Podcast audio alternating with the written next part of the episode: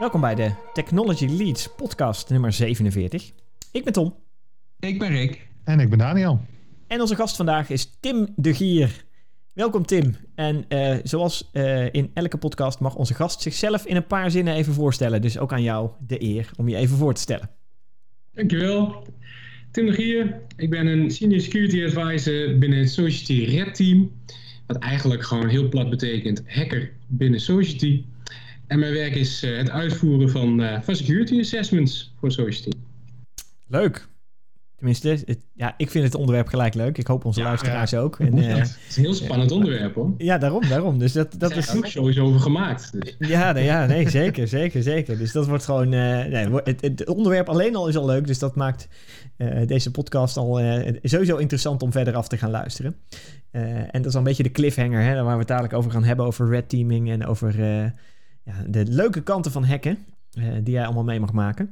Uh, maar voordat we daaraan beginnen, gaan we altijd langs een aantal tech-nieuws-items. En ja, om niet te, te, egoïstisch te zijn en zelf te beginnen continu, uh, wilde ik aan Daniel het woord geven om jouw tech-nieuws-items even uit de doeken te doen. Zo ben ik.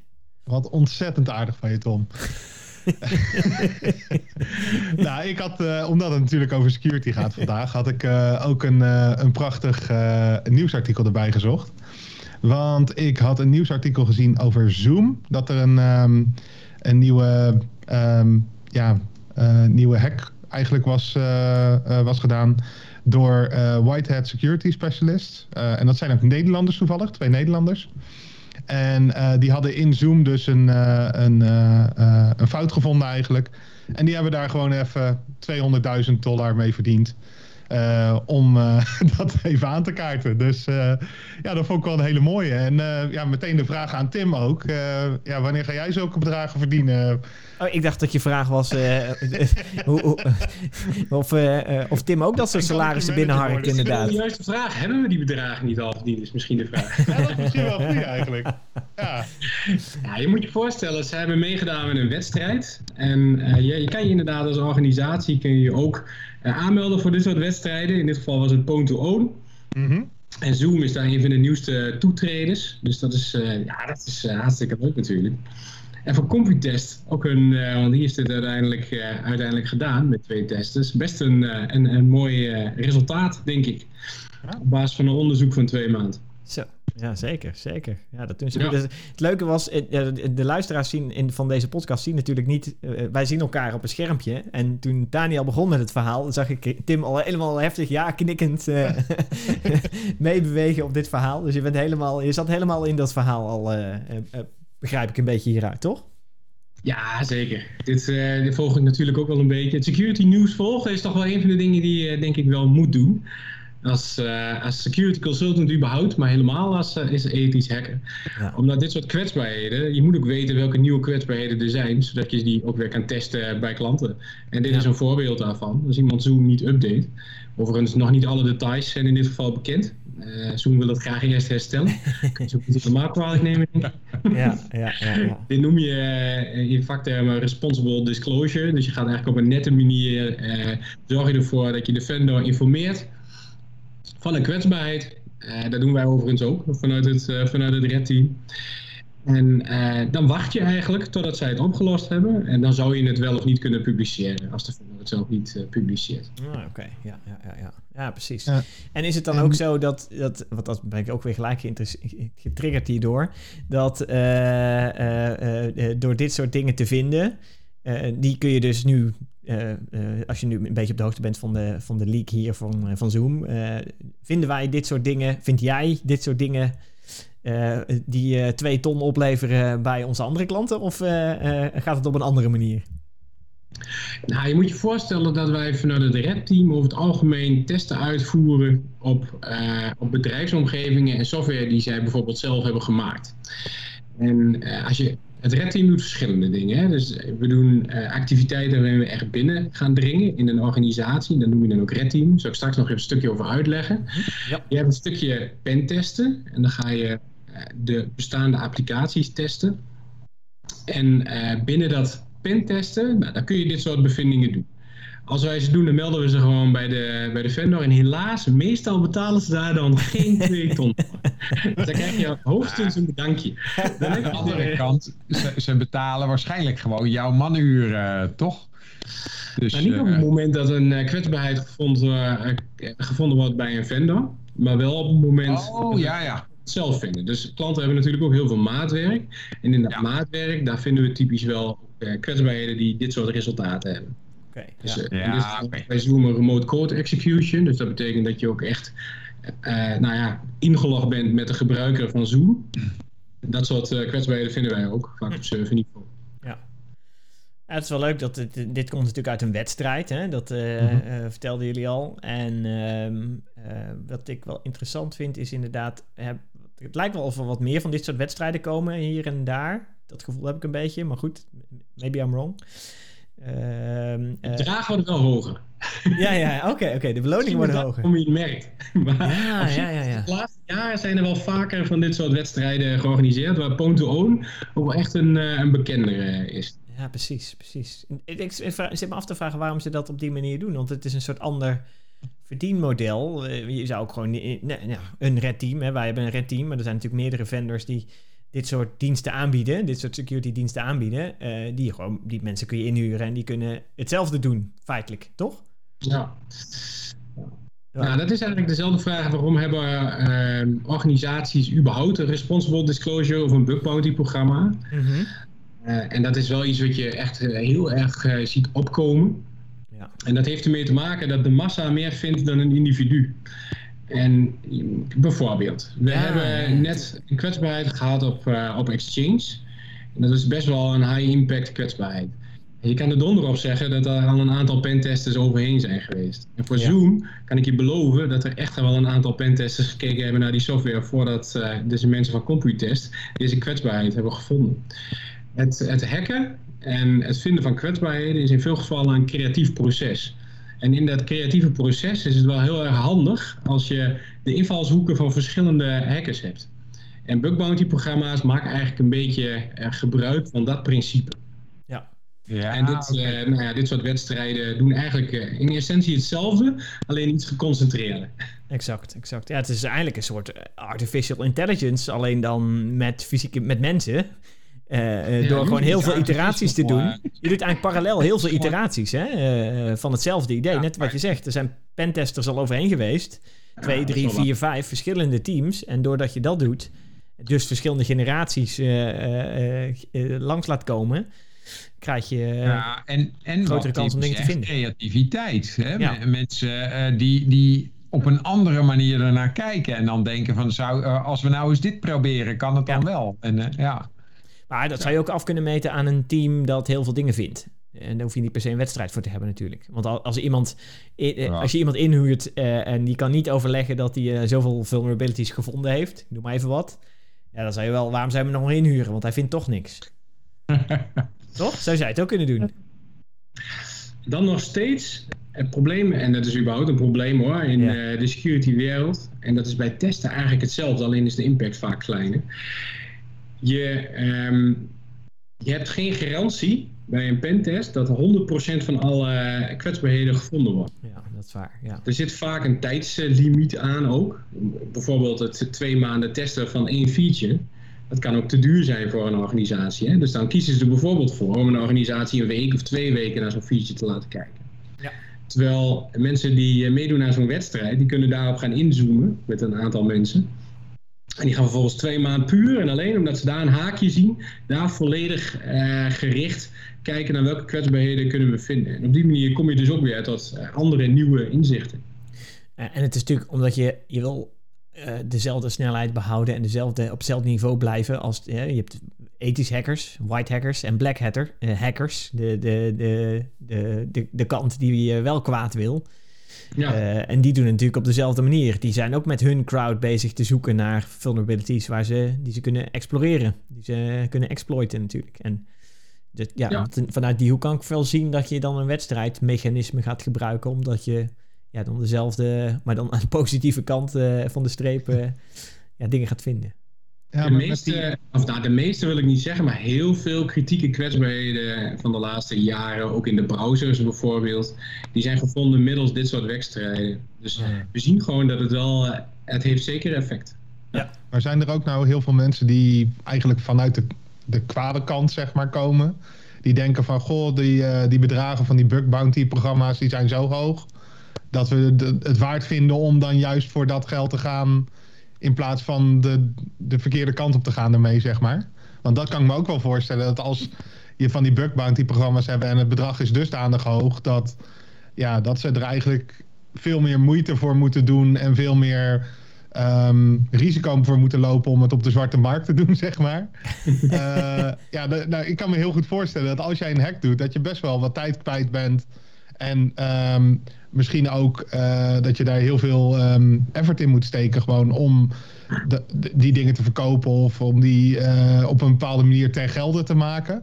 Terwijl je als je met zo'n wedstrijd meedoet en je vindt een uh, ja, kwetsbaarheid, dan kan je natuurlijk heel gemakkelijk zeggen van joh, dan heb ik die 200.000 dollar bijvoorbeeld.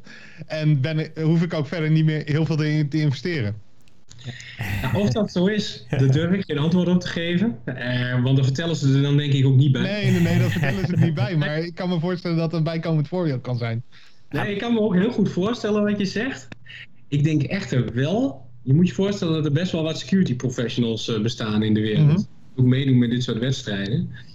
En, um, en daar dus ook een hele hoop kennis al zit. En mm gemiddelde crimineel, in mijn ervaring in ieder geval, en daarin zeg ik niet dat ik daar uh, alle ervaring heb, maar de gemiddelde crimineel kiest voor de weg van de minste weerstand. En de weg van de minste weerstand, die zit ook heel vaak op het gebied van bijvoorbeeld een ransomware. Omdat het relatief makkelijk is om ransomware te schrijven of zelfs in te kopen. En die vervolgens uh, op een organisatie los te laten en dan een ransom te vragen. En dan zijn de bedragen toch al snel veel hoger zelfs dan ja. een 2 ton. Ja. En dat heeft wat minder weerstand. In de zin dat je daar veel minder voor, uh, voor moet gaan leren. Bijvoorbeeld. Maar als je kijkt naar de kwaadwillende nation states, want die heb je ook. Je hebt natuurlijk gewoon uh, landen. Nou ja, je hebt, je hebt, verschillende bekende landen die uh, vaker kwaad doen. en, zeg je dat politiek correct? heel netjes, heel netjes. In alle eerlijkheid, ik geloof dat alle landen dit, dit doen hoor. Dus, ja. Maar de China en Rusland die komen voor ons natuurlijk het meest in het nieuws. En dat is ook wel logisch. Amerika Amerika is daar ook een, een, onderdeel van, denk ik. Alleen die is alweer ja. wat westerser. Waardoor, waardoor we toch wel zien dat daar iets meer gemeenschappelijk doel achter zit. En, daar, en, en, af en toe vraag je ook af welk, uh, uh, wat ze precies willen bereiken. Maar het Nederlandse ministerie van Defensie heeft ook uh, ja, zeg maar, hackers die proberen uh, via de computer uh, de, de, vijand uh, te benadelen, zeg maar. Ja. En, je hebt ook met de politie toch, met die criminelen laatst. Die hebben een paar keer ja. die versleutelde diensten te pakken gehad, zeg maar. Ja, dat, ja, dat is ook wel mooie, mooie voorbeelden inderdaad. Ik net zeggen, ik vond het... We hebben, we hebben daarin ook best wel uh, veel capabilities hoor. En bijvoorbeeld een van de meest complexe stukken malware die ooit gemaakt is, is Stuxnet. En uh, die malware die is gemaakt eigenlijk met als doel om een kernprogramma, een Iraans kernprogramma, uh, ja, uh, te belemmeren, zal ik maar even zeggen. Maar daar heeft de AIVD echt wel een cruciale rol in gespeeld. Ja. Oh. Dus we zien toch wel ook in samenwerking, maar ook in complexere stukken malware, dat wij daar wel een, een rol van betekenis hebben als klein land. Kijk. Precies. Het is wel grappig hoe Daniel zijn verhaal begon. Dus dat ik gelijk te denken inderdaad met dit, uh, de criminele circuit. Het is, het is toch altijd gewoon high risk, high reward. Dat is gewoon waar het om gaat. Ja, ja. Uh, uiteindelijk, als jij uh, heel veel geld kunt pakken, maar het risico is heel hoog. Ja, er zijn gewoon mensen die dat gaan doen. Terwijl inderdaad meedoen aan een wedstrijd, ja, het risico, ja, dat is natuurlijk een risico dat je niks wint. Hè? Uh, maar de impact daarvan is wat minder. Ja, je bent wat tijd kwijt. Uh, en de reward is, is oké. Maar is misschien niet high. Hè? Dat, dat, is, dat is wat er speelt waarschijnlijk. En totdat op het niveau daar ineens ook de rewards gegeven worden in een wedstrijd. die vergelijkbaar zijn met ja, de criminele kant. Maar ja, dan koop je ze uit eigenlijk. Hè? Dat is dan wel een beetje wat er gebeurt ja, maar dat is wel wat ik, wat ik een beetje zie gebeuren. Omdat ik, ik hoor nu ook al van joh, de, het wordt steeds populairder om die wedstrijden te houden. Je ziet er steeds meer verschijnen. Ja. Nou, dat, dat, dat gaat natuurlijk ook toe naar dat op een gegeven moment die rewards hoger gaan worden. Als er, ja, je moet mensen wel naar je wedstrijd proberen te lokken natuurlijk. zeker. en dat soort dingen. Ja. Dus ja, dat, uh, dat, dat, dat gaat dan op een gegeven moment ook omhoog. Maar ja, de vraag is dan of dan de andere kant ook niet omhoog gaat. Met uh, nou criminele kant, zeg maar. Die plus, stijgen natuurlijk ook gewoon door. Ja, plus de, de mensen die niks winnen, die geen prijs winnen. Uh, ja, dat doe je een paar keer, maar op een gegeven moment hou je ermee op. Nou, dan kun je ook zeggen, nou, misschien ben je dan niet goed genoeg om uh, in deze wereld actief te zijn. Hè, dus moet je gewoon helemaal stoppen dan.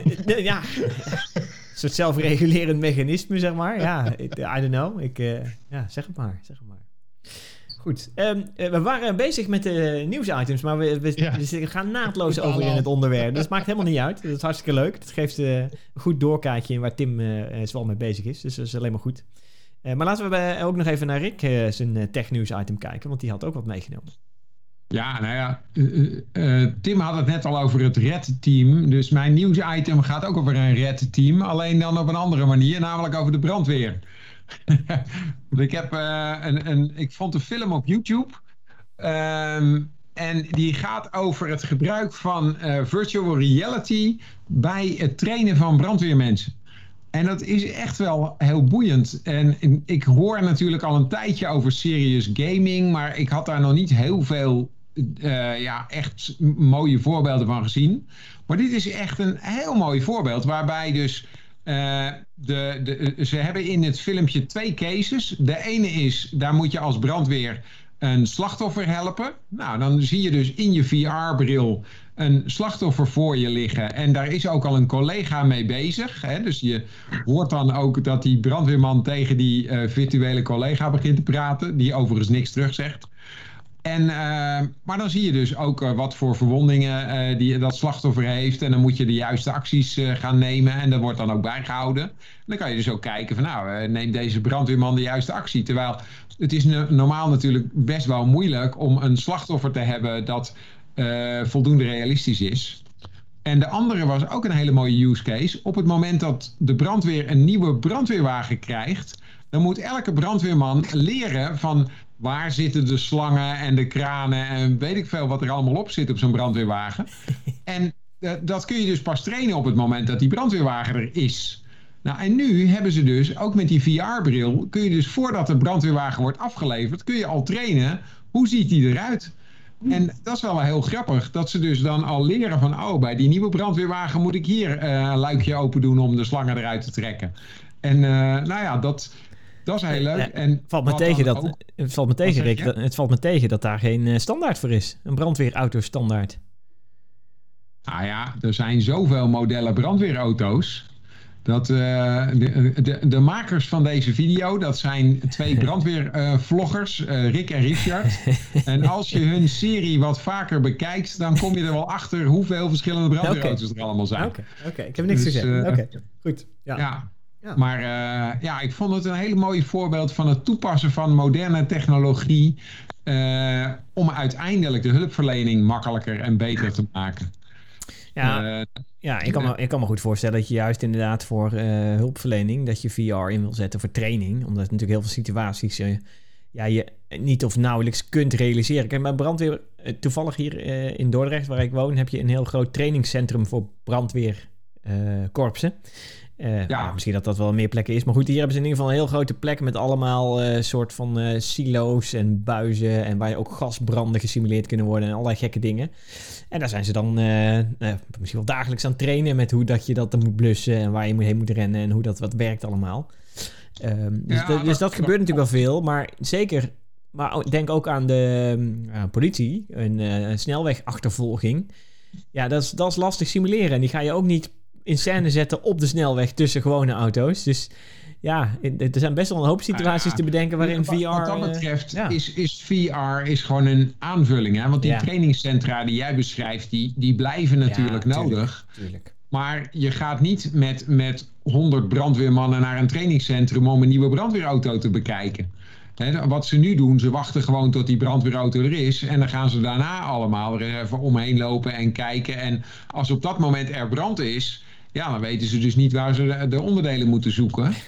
En nu kunnen ze dus van tevoren al oefenen. En op het moment dat die auto wordt afgeleverd, kunnen ze hem gelijk in gebruik nemen. Ja. En dat scheelt gewoon uh, wat, wat dagen, zeg maar. Ja. En daarnaast krijg ik ook wel een beetje de indruk dat het ook een manier is om trainen leuker te maken. want een van de dingen oh, die ze ook trainen is... Uh, ze hebben een iPad waar allerlei uh, informatie in te vinden is. Nou, ik kan me voorstellen dat het normaal niet zo heel leuk is om gewoon met die iPad op schoot te gaan zitten oefenen. Waar zit alles? En nu krijgen ze dus in het filmpje, zien ze een situatie en moeten ze dus op die iPad gauw opzoeken uh, wat ze nodig hebben. Ik, ik weet niet meer welk voorbeeld ze hadden, maar je moet bepaalde gegevens opzoeken.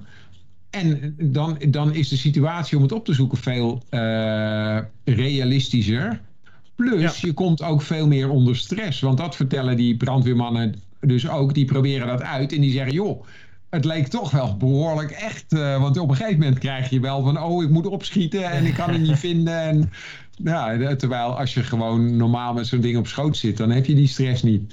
Nee, nee, nee, tuurlijk. Het, het, het maakt het al iets realistischer. Ja, en het is natuurlijk uh, een goedkope manier van, van opleiden ook. Hè? Want je hoeft niet, uh, wat ze bijvoorbeeld ook laten zien, is iemand uit een auto redden. En dan moet je even het dak eraf knippen. Ja, ja. Uh, dat ga je in het echt natuurlijk niet uh, tien keer per dag doen. Dan heb je nogal wat auto's nodig. ja. Ja, nee, ja, zeker. zeker. Wat, wat dat dan gaat, is de, voor trainingsdoeleinden natuurlijk een ontzettend goede, goede oplossing. En, en het moet natuurlijk realistisch zijn. Ik denk dat dat het belangrijkste is. Ja. Ja.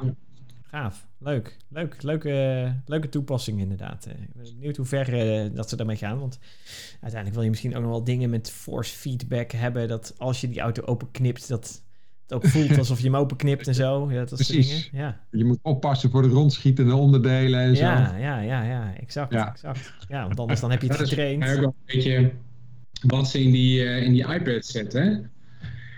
Dat is al een tijdje geleden, maar ik heb een aantal jaar geleden niet voor de brandweer gewerkt, maar wel als consultant uh, die iPads ingericht ah, voor, uh, voor brandweer. Dus daar, de, daar dan weer de beveiliging van.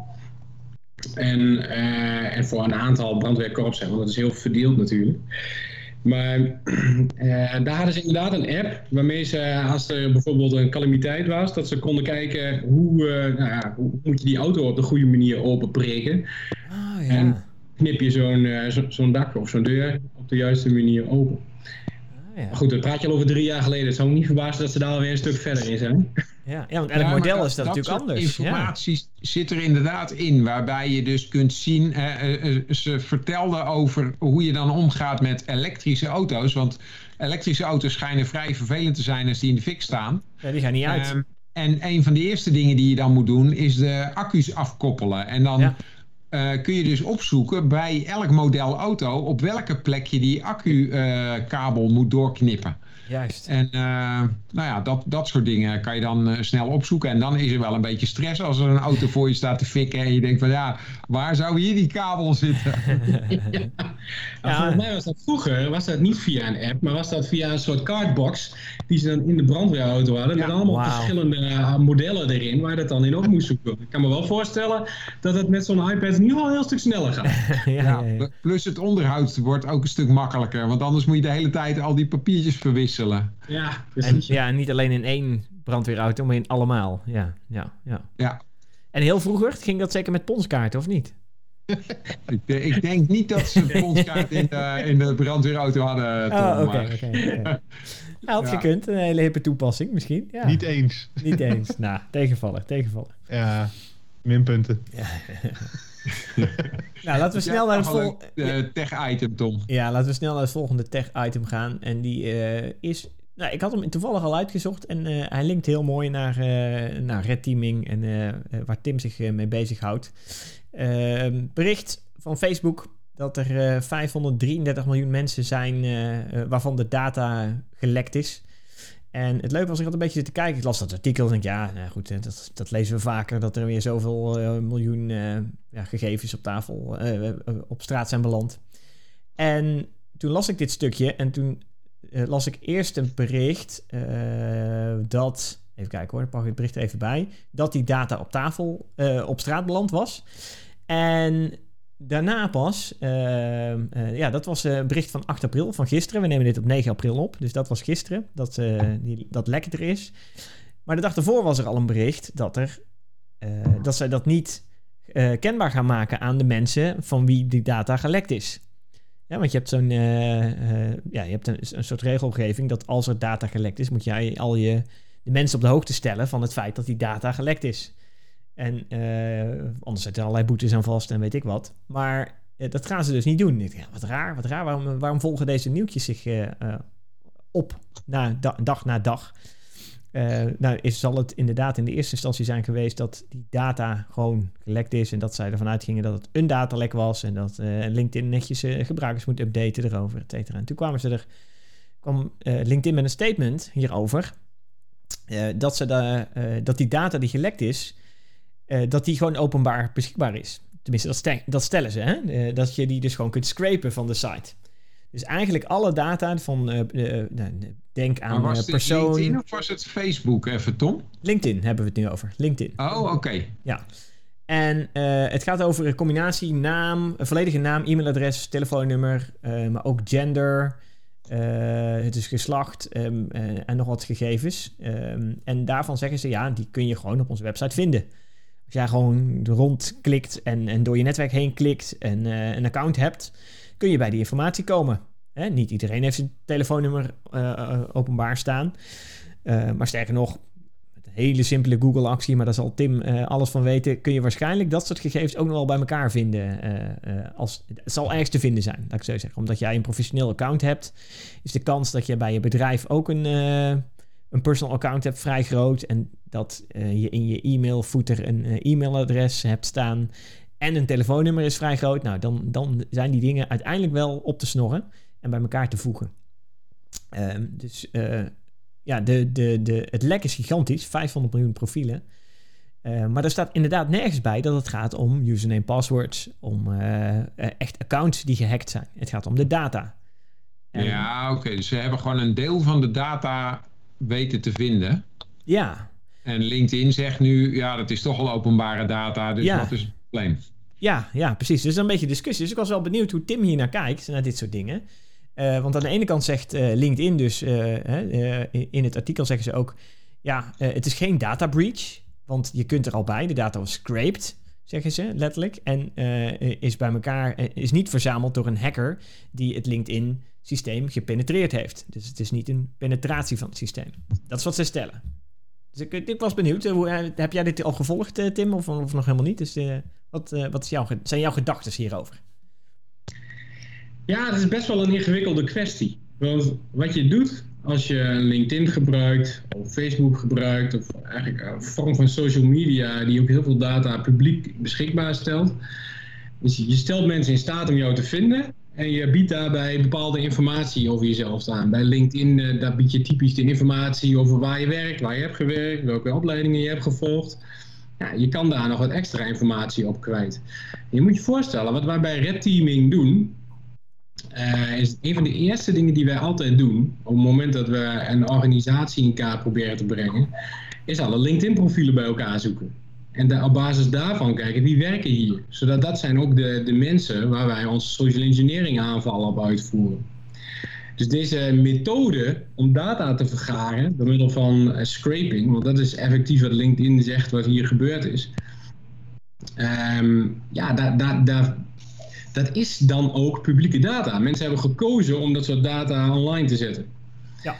En ja, dan is even de vraag, op het moment dat iemand dat verzamelt, aggregeert, want dat is eigenlijk wat er dan gebeurt, Precies. en in een in bulk aanbiedt, dat is heel erg vervelend, maar dan ligt het er wel aan, zit daar dan data bij die jij zelf niet publiek hebt aangeboden.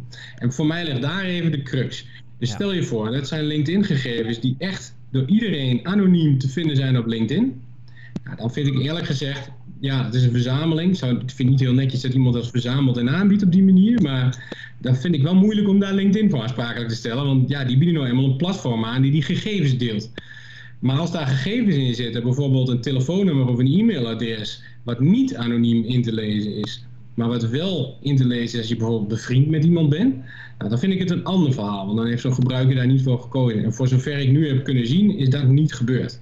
Exact. Ja, ja. Voor, het, je- eh, voor het geval van eh, LinkedIn. Maar dat is redelijk recent nieuws. precies. Dus in die zin eh, weet ik daar ook nog niet alles van hoor. En bij Facebook is het nog weer een, een, een bijzonder verhaal. Want het is eigenlijk eh, zeer waarschijnlijk data uit september 2019. Dus dat is best wel oude data. Die door middel van een contact importer dan weer eh, ook in een soort van gescreept is. Dus dan kun je ook Waar jij het over hebt, Tim, dat is de, de Facebook-hack die van de week bekend is geworden. Ja, dus het eerste stuk ging over LinkedIn en nou, eh, nou inderdaad over Facebook. Want LinkedIn is, is echt heel recent. Ja. Ehm, en ook nog niet heel erg veel. eh, het in ieder geval, eh, voor, ik heb er nog niet uitgebreid genoeg naar gekeken dat ik daar echt kan zeggen: ik ken er alle ins en outs van.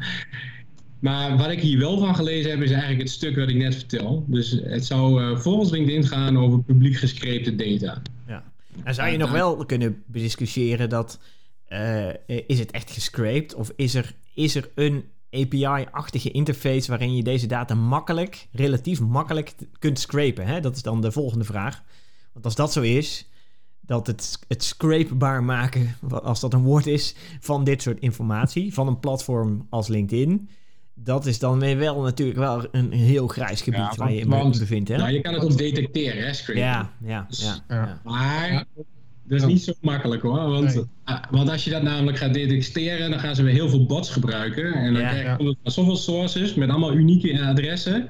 En dat delen ze over een redelijk lange tijd. En als je dat maar eh, effectief genoeg doet, is het heel moeilijk om dit tegen te gaan. Ja, precies. Ik wil zeggen, wat wij vaak doen binnen red teaming is helemaal niet eens direct LinkedIn benaderen. Wij eh, doen dit vaak via Bing. Dus we zorgen ervoor dat we de zoekopdrachten in met Bing en niet Google. Ja. Dat is heel gek, want ik gebruik, ik gebruik Bing maar voor één doeleind en dat is dit. En, waarom, wa- waarom, Ja, waarom? is Bing hier beter in? Ja. Omdat Google hier eh, ja, slechtere indexatie heeft. Bing die, eh, Bing die, die heeft bedrijf, wel hè? betere gegevens eh, over LinkedIn. Waarschijnlijk omdat het ook gewoon een Microsoft product Ja. is. Ja, Microsoft is, is ze- zijn ze eigenaar? Ja, Microsoft, Microsoft owned. ja, van ja, LinkedIn, is ja. Ja, ja, ja. ja. Ja. Ah, ja. Oh. Dus En Bing eh, dus ik ja. vermoed dat het, daar, eh, dat het hem daarin zit dat je die gegevens wat beter uit, eh, uit eh, Bing kan halen dan uit, eh, uit Google. ja. Maar je hebt daar gewoon modules voor hoor. Je hebt, Mhm. eh, je hebt bijvoorbeeld Recon NG. Dat is een framework waarmee je eh, reconnaissance kan doen. Dus gegevens van bedrijven, van personen kan proberen op te halen door middel van verschillende platformen. En zo'n Bing eh, Searcher voor LinkedIn is daar gewoon een geïntegreerde plugin. dus het enige wat je moet doen is een Bing API eh, aanspreken en dan haalt hij deze data netjes voor je op. ja. Ja. Niet met 500 miljoen tegelijk. Nee, oké. Je moet hem even laten lopen. Je hebt even wat tijd nodig. En dan- wel even. ja, dat is ja, ook wel duur hoor, als je dat wil doen. Dan moet je die API toch aardig eh, veel calls geven. ja, ja, ja, ja. Nou ja, een beetje Ja. hardware tegenaan gooien, dan, eh, dan moet het wel kunnen, toch? Ja, nou ja, ehm, voor een, een, een Bing API, je gebruikt een Bing API, hè? dus je gebruikt de hardware van Microsoft. Ja. dat hoef je niet eens zelf, eh, dat hoef je niet Nee. eens zelf te doen. Maar je kan het natuurlijk ook zelf scrapen. Dus als jij wil, kun je het best wel zo bouwen dat je het zelf scrapt. Ja. Maar de ervaring leert dat LinkedIn best wel veel grafische wijzigingen heeft. Waardoor, Ja, eh, waardoor die scraping bij LinkedIn best wel lastig is. Ook door middel van hun AB-testing. Om Ja. dat betrouwbaar te doen is toch wel moeilijk. Daarom wordt Bing vaak gebruikt voor LinkedIn. Ja. Ik weet overigens ook niet hoeveel gebruikers LinkedIn heeft. Want dat, we hebben nu 533 miljoen accounts. eh, eh, informatie, zeg maar. 500 miljoen eh, LinkedIn-profielen. Ja. ja. dat is wel 500 veel. miljoen, dat is ongeveer 10% van de wereldbevolking. Ik denk niet dat er heel veel meer mensen lid van LinkedIn zijn hoor. Ik weet Ja, het ja, niet. ja, ik weet het, ja, ik weet het dus ook niet. Ik heb geen, eh, geen getallen. Ik denk dat 500 miljoen best wel een heel groot deel is van de LinkedIn-gebruikers. ja. dat, eh, nou ja, daar moeten we dus even bij opzoeken, denk ik. Ik zie, ik zie? Daniel al druk kijken. Is hij aan het zoeken naar de 700 miljoen? 700? Oh, nou, dan, eh, dan is het wel een Ja, heel dat groot. hebben ze toch wel best wel veel mensen gevonden. Ja. Ja. Zeker. Wat misschien nog wel een leuke toevoeging is. eh, Ja. Kennen jullie Have I Been Pwned? Ja. Yep.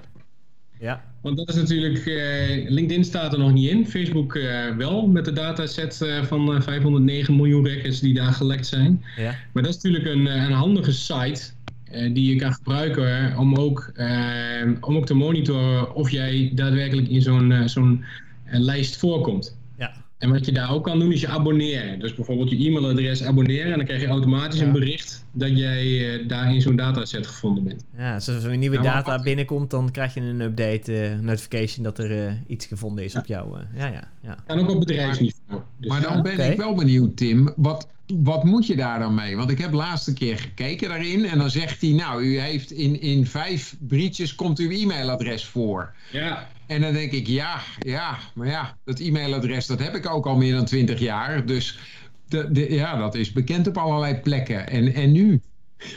Dat is best een goede vraag en dat ligt een beetje aan het type breach. Want bij Facebook, daar gaat het in essentie over publieke data. En data zoals e-mailadres en telefoonnummer.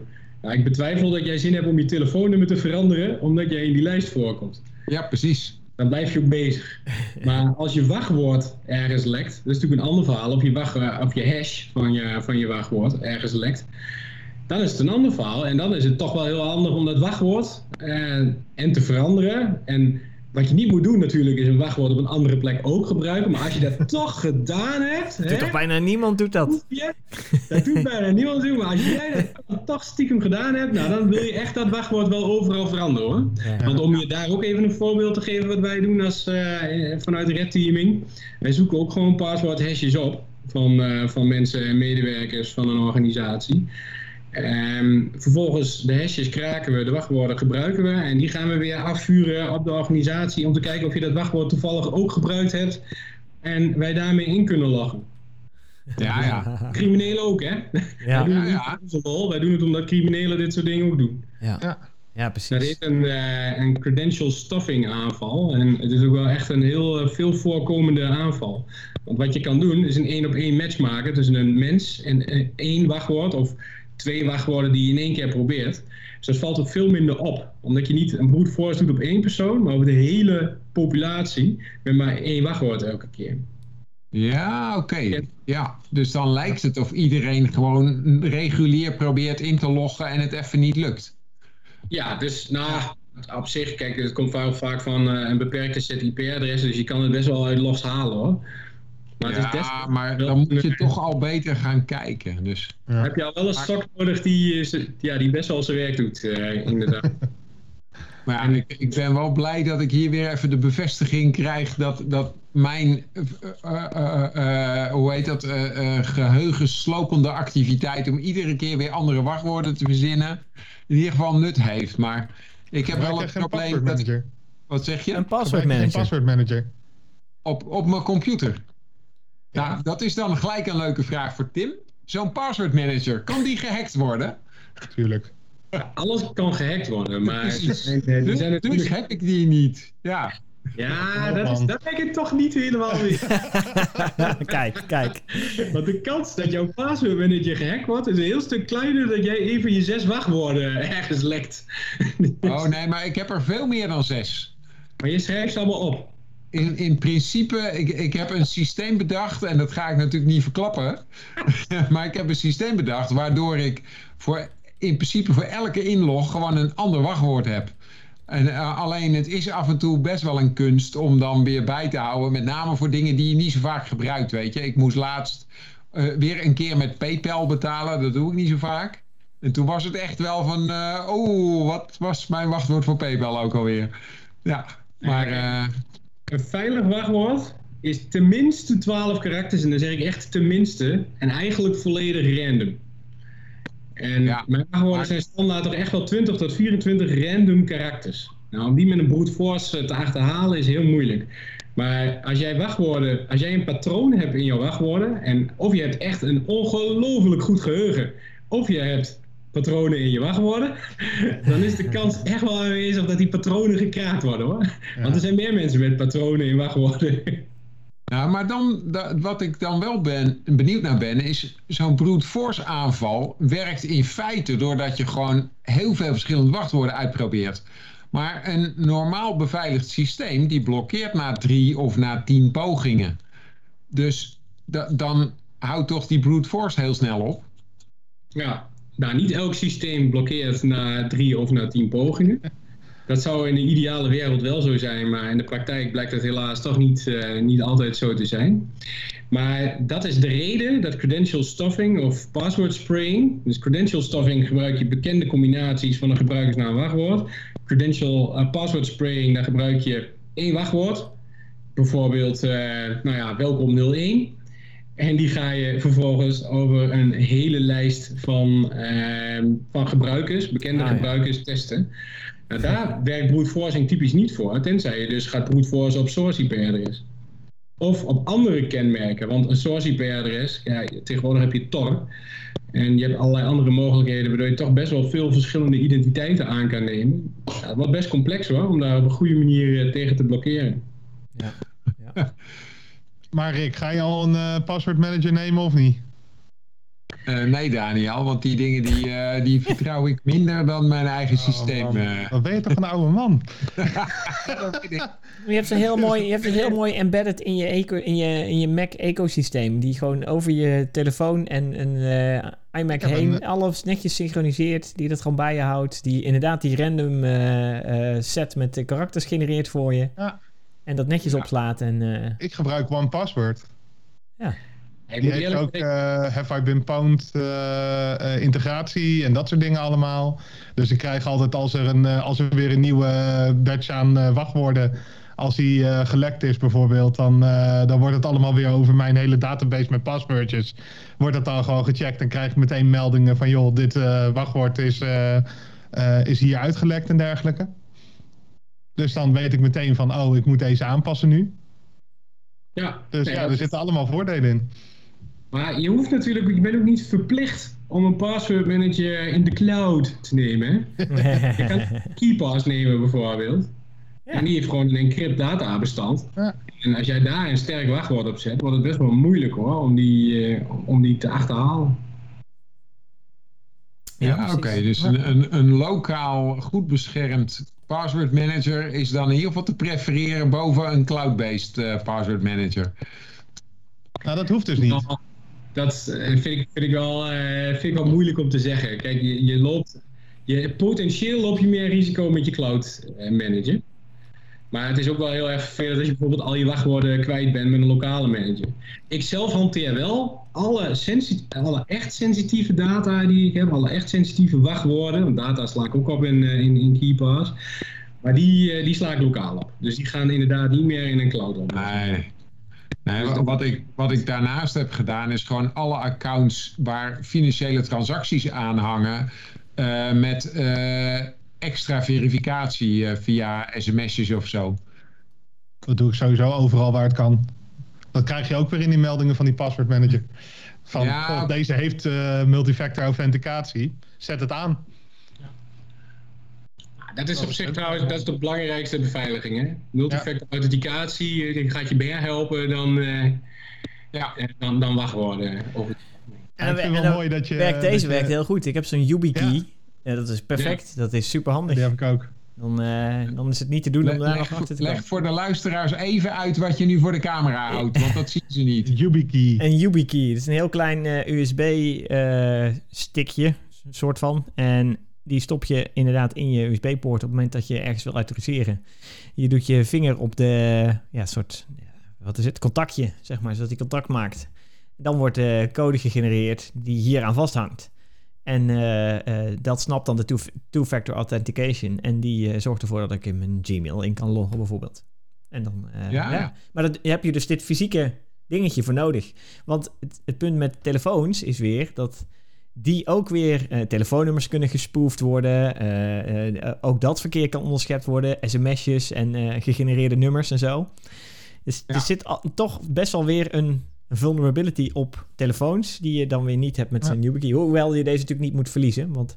Nee. Ja, maar ja, je maar portemonnee wat, ook niet. Nu dus. heb je het allemaal over technische beveiliging, hè? Maar volgens mij, Tim, is de belangrijkste ja, lek of, of uh, vulnerability is gewoon de mens. Daar gaan jullie met red teaming toch ook uh, op focussen?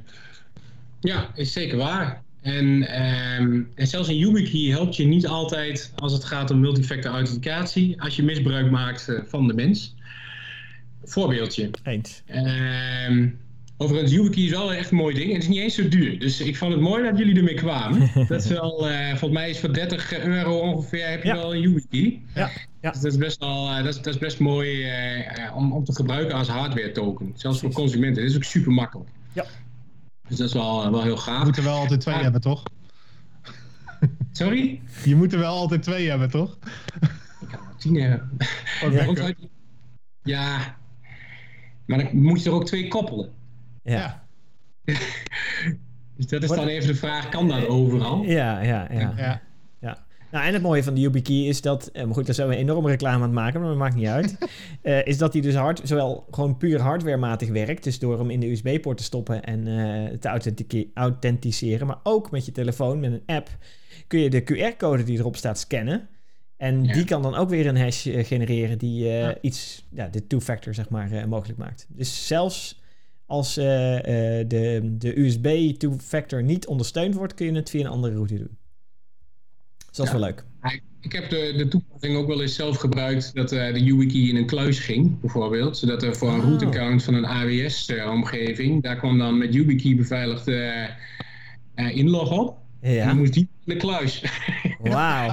Op die manier kun je dan in ieder geval dat routeaccount gebruiken als het echt moet. Ja. Nou ja, als je dat op een goede manier segregate, dan uh, kun je op die manier redelijk veilig zo'n zo omgeving dan two-factor authenticatie. Ja, en zelfs social engineering is dan eigenlijk, nou ja, dan wordt het heel moeilijk om dat nog voor elkaar te krijgen. Dat is in ieder geval heel ingewikkeld. Maar ja, bijvoorbeeld, ja. Hè, als je nou een Azure-omgeving hebt. Uh, Azure er wordt vaak wel ingericht met multifactor authenticatie. Maar wat wij ook wel doen is uh, phishing. Dus dan gaan we via de telefoon gaan wij uh, iemand benaderen. Ja, dan maken we een gespoefde pagina. Waardoor zij denken dat, uh, dat zij op hun bedrijfswebsite uitkomen. En ook op hun bedrijfsportal uitkomen. Dus die maken we in zijn geheel na. Vervolgens loggen ze daarop in. Dan vragen we ze, nou, autoriseer maar. Bijvoorbeeld met die Microsoft Authenticator. Wij hebben het wachtwoord vervolgens al ge gekregen omdat zij ingelogd zijn op een portal van ons. Dus wij vangen dat wachtwoord op en loggen tegelijkertijd in. Zij krijgen een autorisatierequest op hun mobiel. Zij denken dat ze het zelf zijn, want ze zijn namelijk net ingelogd. Vervolgens klikken zij op ja en dan zijn wij ingelogd. Wow. En wat we vervolgens dan weer doen is een token toevoegen. dus dan gaan we ons eigen token toevoegen. Ja. Nou, daarin kun je ook wel tegen weren hè, als organisatie. Dus wat je bijvoorbeeld kan doen is zorgen dat je uh, nog een keer extra vraagt om authenticatie voordat iemand de token toe mag voegen. Ja, ja. Uh, maar ja, moet je wel inrichten. Dan zien we toch wel dat dat vaak niet, uh, niet ingericht is. En ook daar, ja, als je iemand al aan de lijn hebt, kun je ze nog wel een keer vragen. Nou ja, kunnen we het nog een keer proberen? Gaat niet helemaal goed. Ja, ja er zijn wegen, als je bij mensen, als je naar mensen kijkt, er zijn wegen om dit soort situaties heen. Waardoor je ja, mensen toch nog kan overtuigen om bepaalde dingen te doen. Ja. ja. en maakt het ook veel verschil wat voor soort aan de ene kant karakter iemand is, maar ook wat voor kennis iemand heeft. Want ik kan mij voorstellen dat als jij gebeld wordt door iemand die probeert zo'n hack te doen, dat jij veel eerder achterdochtig bent dan wanneer, laten we zeggen, mijn moeder gebeld wordt. Uh... Nou ja, dat, ja, dat maakt uit. En dat is ook wel waarom security awareness trainingen bestaan. Dus de meeste organisaties tegenwoordig die, uh, die investeren daar best wel in. En red teaming is eigenlijk tot op zekere hoogte zelfs een vorm van awareness. Omdat je daarmee heel duidelijk... Je hebt een doel bij red teaming. Hè? Je moet bijvoorbeeld uh, alle klantgegevens stelen... of toegang krijgen tot de database met alle klantgegevens... of een transactie doen. En om dat doel te behalen mag je zelf kiezen wat de weg daarvoor is je scoopt het wel. En typisch kies je wel een scenario wat ook past bij die organisatie en bij het risicoprofiel van die organisatie. Maar je hebt daar een redelijk vrij spel. En dat zorgt er dus ook voor dat je manieren gaat gebruiken die aanvallers normaal gebruiken. En daar is social engineering echt een belangrijk aspect van. Dus de organisatie, organisatie die gaat ook zien dat het werkt. Die gaat zien dat je dan toch binnenkomt en toch bij die data kan komen. En dat geeft ook uh, op managementniveau geeft dat al heel veel bevestiging van nou, het is misschien toch wel handig dat we mensen daar echt actief in trainen. Want de praktijk is gewoon, en uh, we hebben er nou net uh, hebben we weer een bericht gezien van, van de gemeente Utrecht. Ik geloof uit mijn hoofd 16% van alle mensen op een phishing mail hebben gereageerd en hun wachtwoordgegevens hebben ingevuld. ik kan me voorstellen dat voor jullie klinkt dus heel vreemd. Voor mij is het compleet normaal. Dit is tussen de 10 en de 25 procent gemiddeld. Ja. Bizar hoor. Nou, Dat is echt bizar hoor. Eh, een jaar of wat terug eh, eh, hebben jij of je collega's dat binnen Society een keer geprobeerd. Want toen waren we aan het verhuizen. Oh ja. was er een pagina gemaakt van oh, er zijn een paar tv's over. Dus als je hier even inlogt, dan kan je meeloten voor zo'n tv. En toen hadden we zowat de helft van het personeel. Terwijl op die pagina stond nog... Check altijd de URL. Dat hadden ze er gewoon nog opgezet zelfs. En dan- Nee hoor, gewoon nog. Maar je verkijk je er ook op wat de rol van de eigen organisatie is. Want heel veel organisaties, dan gaat, dan gaat zo'n organisatie die, eh, die organiseert een eh, kerstdiner. En dat heet dan kerstdiner en met name organisatie 2021.nl. Ja, als je, als je mensen leert dat dat soort URL's oké zijn, want dat is effectief wat je aan Ja. het doen bent, dan zorg je er dus ook voor dat als iemand dat in een eh, phishing aanval gaat doen, dat mensen dan ook denken, nou ja, dat doet eh, wel, ja. en dat ook. Ja. Ja, Dus ja, daar heb je ook wel als organisatie. Dan moet je echt wel nadenken over welke URL's wil ik nou gebruiken. En die moeten passen in mijn organisatie. Zodat, ze ook, zodat je ook daadwerkelijk tijdens zo'n training kan vertellen, hier moet je naar kijken. Want je kan wel zeggen, je moet kijken of die URL veilig is. Nou, ik kan je wel vertellen, als wij een site opzetten, het eerste wat wij doen is TLS op een goede manier configureren natuurlijk. Hè? Dus die mensen zien netjes een slotje. Ja. Daar hoef je echt niet, eh, daar hoef je niet op te vertrouwen hoor. Nee. Nee. nee. Oh, ja, ja. Nou, Dus dat slotje zegt ook al niks. Maar het zegt wel wat. Het zegt dat er encryptie gebruikt wordt, zodat de data die over de lijn gaat niet eh, zomaar uitgelezen kan worden. Ja, maar het zegt er niets over, in essentie, of de partij waar jij mee praat een veilige partij is. Ja, Zo is ja. het. Zo is het. En, en, maar, maar eigenlijk is het dan best al moeilijk om een eh, security-aware gebruiker te kunnen zijn. Want je moet al best heel veel dingen in de gaten houden. Ja, dat is helemaal waar. En je moet best wel achterdochtig zijn. En daarom zit er dus ook wel een rol in voor de organisatie dat ze het in ieder geval zo makkelijk mogelijk maken. Ja. En dus niet eh kerstpakket eh 2020.nl registreren. Ja, ja, ja, ja. Want als je dat soort dingen gaat doen, dan weet je zeker, daar, daar kunnen mensen gewoon misbruik van maken. Maar wat is daarvoor dan wel een, eh, een veilige URL?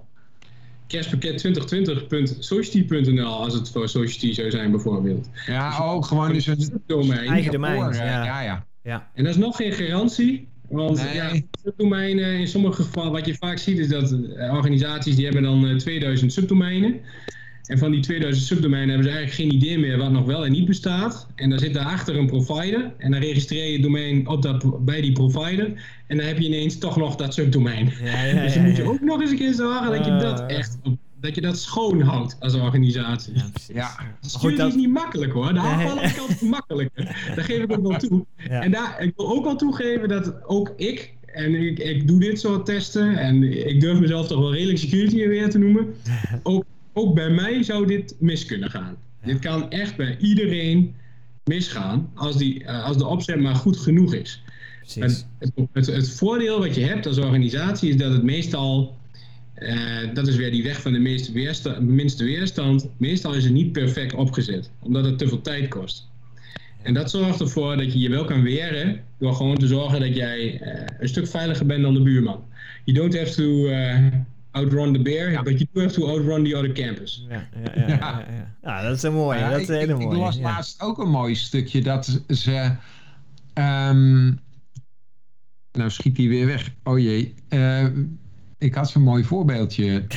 Ehm, maar ik, ben, ik krijg nu helemaal die visualisatie van die rennende Van die beer. beer, Ja, eh. ja, ja. En de andere campers. Ja, ja, ja, ja, ja. Zeker, zeker.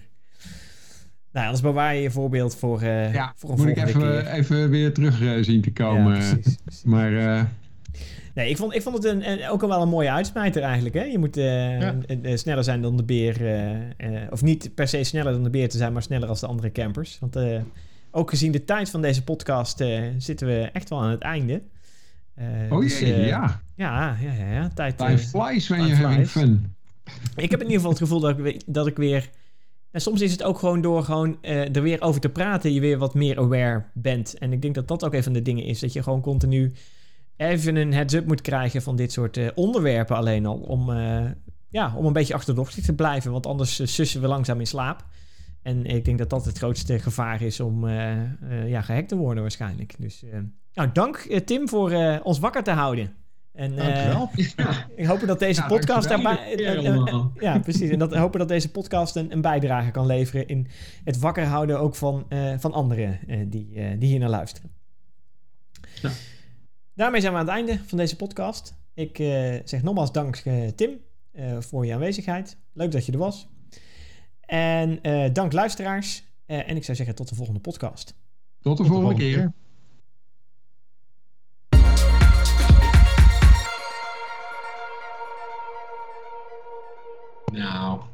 And it's a wrap.